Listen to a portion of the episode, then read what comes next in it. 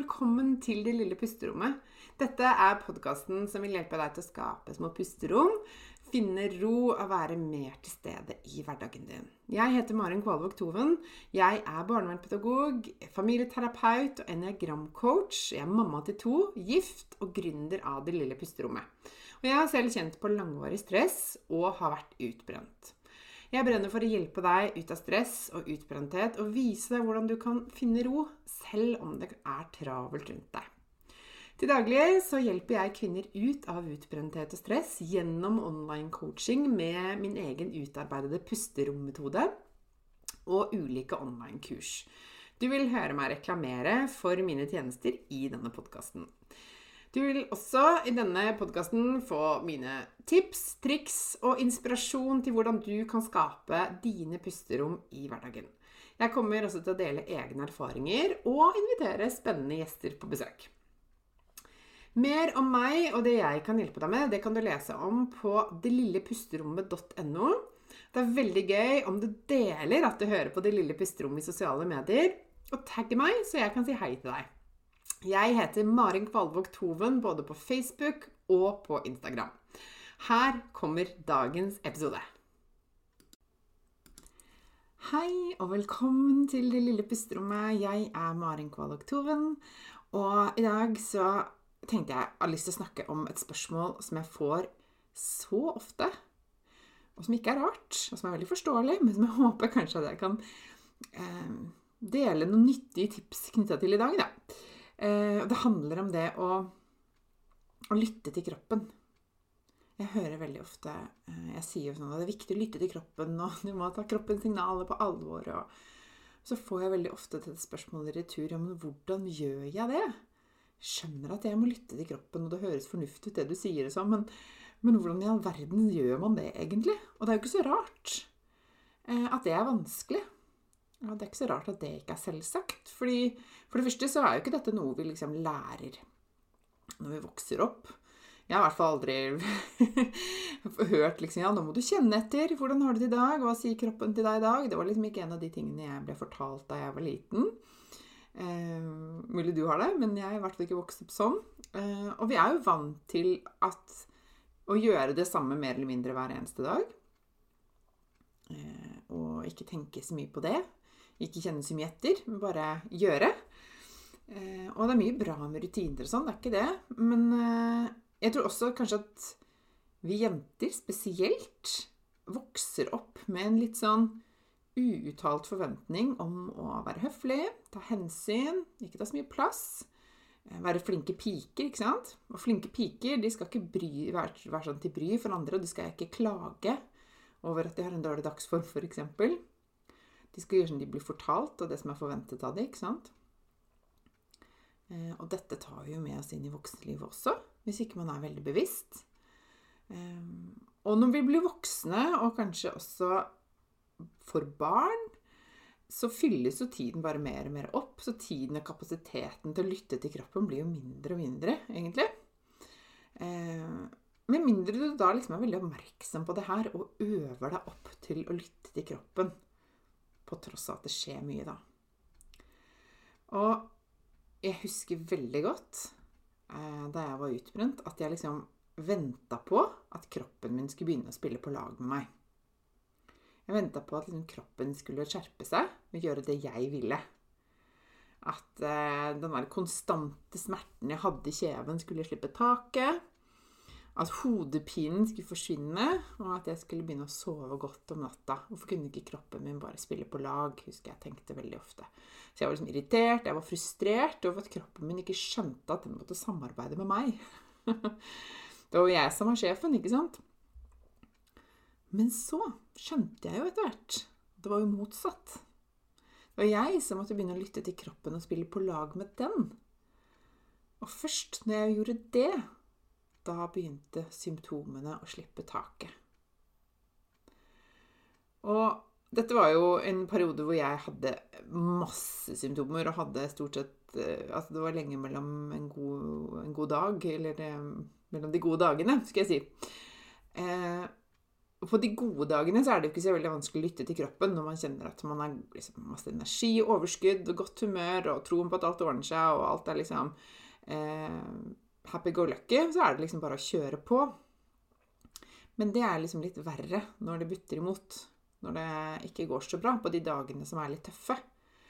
Så er det ikke så lett alltid kanskje å ta imot kroppens signaler eller eller akseptere de, da.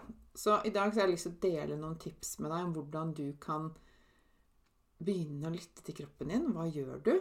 Eh, og faktisk begynne å spille på lag med den, i stedet for å vente på at den skal gjøre det med deg.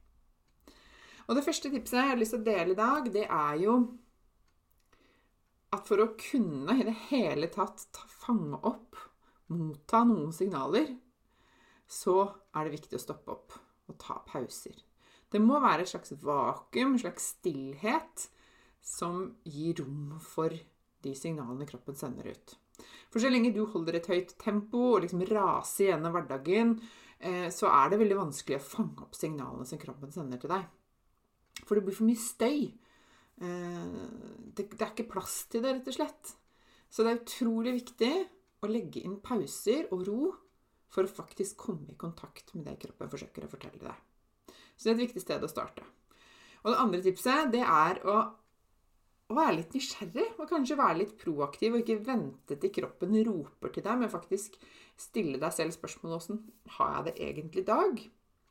Hvordan er dagsformen min? Hva, eh, hvor mye energi har jeg? Hva slags humør har jeg?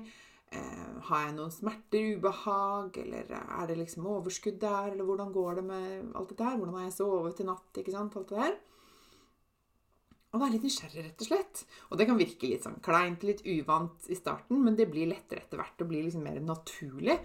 Og jo mer du gjør det, jo lettere vil du fange opp signalene. Det er i hvert fall helt sikkert. For det som skjer når du er nysgjerrig og undrer deg litt, og eh, sjekker ut med deg selv, eller sjekker inn med deg selv, skal jeg kanskje heller si, det er at eh, du, eh, du, du, sier på en måte til kroppen din at uh, 'jeg vil lytte til deg'. Hva har du å fortelle til meg? Og det er nesten litt sånn som vi har det i relasjon til andre. ikke sant? Tenk på barna dine eller eh, kjæresten din eller den eller annen som står deg nær. At når noen sier til deg 'jeg vil høre på deg', så er det også lettere å fortelle. Og det er litt sånn med kroppen også. At den nesten skjønner at å ja, nå er vi liksom open for business her. Nå hører du på hva jeg har å si. Nå skal du få høre. Dette er egentlig som det står til. ikke sant? Sånn at etter at du har begynt å undre deg og stilt deg selv disse spørsmålene og øvd deg litt på det, så er det også utrolig viktig at du faktisk anerkjenner og tar på alvor det som kommer. De signalene og symptomene som dukker opp. Og begynn litt i det små. Hvis du f.eks. kjenner at åh, jeg har sovet litt dårlig at jeg er litt trøtt. Ta det på alvor. Ta litt hensyn til det. Vær litt nysgjerrig på, eller sjekk ut litt sånn Ok, hvordan kan jeg ta hensyn til det i dag? Jo, kanskje jeg bestemmer meg for å legge meg litt tidligere i kveld. Eller jeg legger lista litt lavere i forhold til hva jeg skal forvente. Kanskje jeg liksom eh, kan ta litt flere pauser. Kanskje jeg må avlyse noe. Eller bare være veldig bevisst på hva jeg faktisk må og ikke. Og ta kroppen din litt på alvor. Og begynne litt med en sånn hverdagslig følelse som sikkert alle kan kjenne på i ny og ne. Jeg er litt trøtt i dag. For når du begynner å lytte til kroppens små og store signaler, så kommer den til å takke deg. skjønner du. Så kommer den til å liksom begynne, dere begynner å snakke litt samme språk, eh, og så kan du begynne å spille på lag med den. Og da blir det etter hvert mye lettere for deg å unngå, eller å forebygge, da, at du går i sånn total kollaps, eller at eh, symptomene dine bare forsterkes etter hvert. Så det er et kjempeviktig steg hvis du ønsker å lytte mer til kroppen din, eller skjønne, ta, fange opp signalene på et tidligere tidspunkt. Og så tenker jeg vi kommer liksom ikke unna at det er viktig å forvente og ta høyde for at du har både gode og dårlige dager. For dagsformen og stressnivået, det svinger, og det er, sånn er det for alle sammen. Og det er en naturlig del av livet. Så når vi slutter å liksom forvente at vi skal ligge på 100 hele tiden, eller kanskje 120 kanskje du har forventa det av deg innimellom også, kanskje mer, hva vet jeg, så vil du lettere tåle å spille på lag med kroppen de dagene og periodene som er mer utfordrende når du ikke er på topp. For da vil det på en måte være en del av totalbildet. At ok, nå er jeg inne i en litt tøff periode, eller nå har jeg en dag jeg, hvor jeg ikke er helt uh, i form, eller nå er jeg faktisk utbrent og har vært det en stund. Ok, men da må jeg kanskje legge lista et litt annet sted og forsøke å hjelpe meg selv i stedet for å jobbe mot deg selv.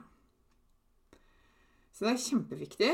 Um, og så er det ett tips til jeg har lyst til å komme med, og det er som vi kvinner, som er bare helt ufordelig altså, kunnskap som kommer mer og mer, heldigvis. Vær oppmerksom på syklusen din, hvordan den påvirker energien din. Hvor befinner du deg i syklusen din, og hvordan er står med energien din?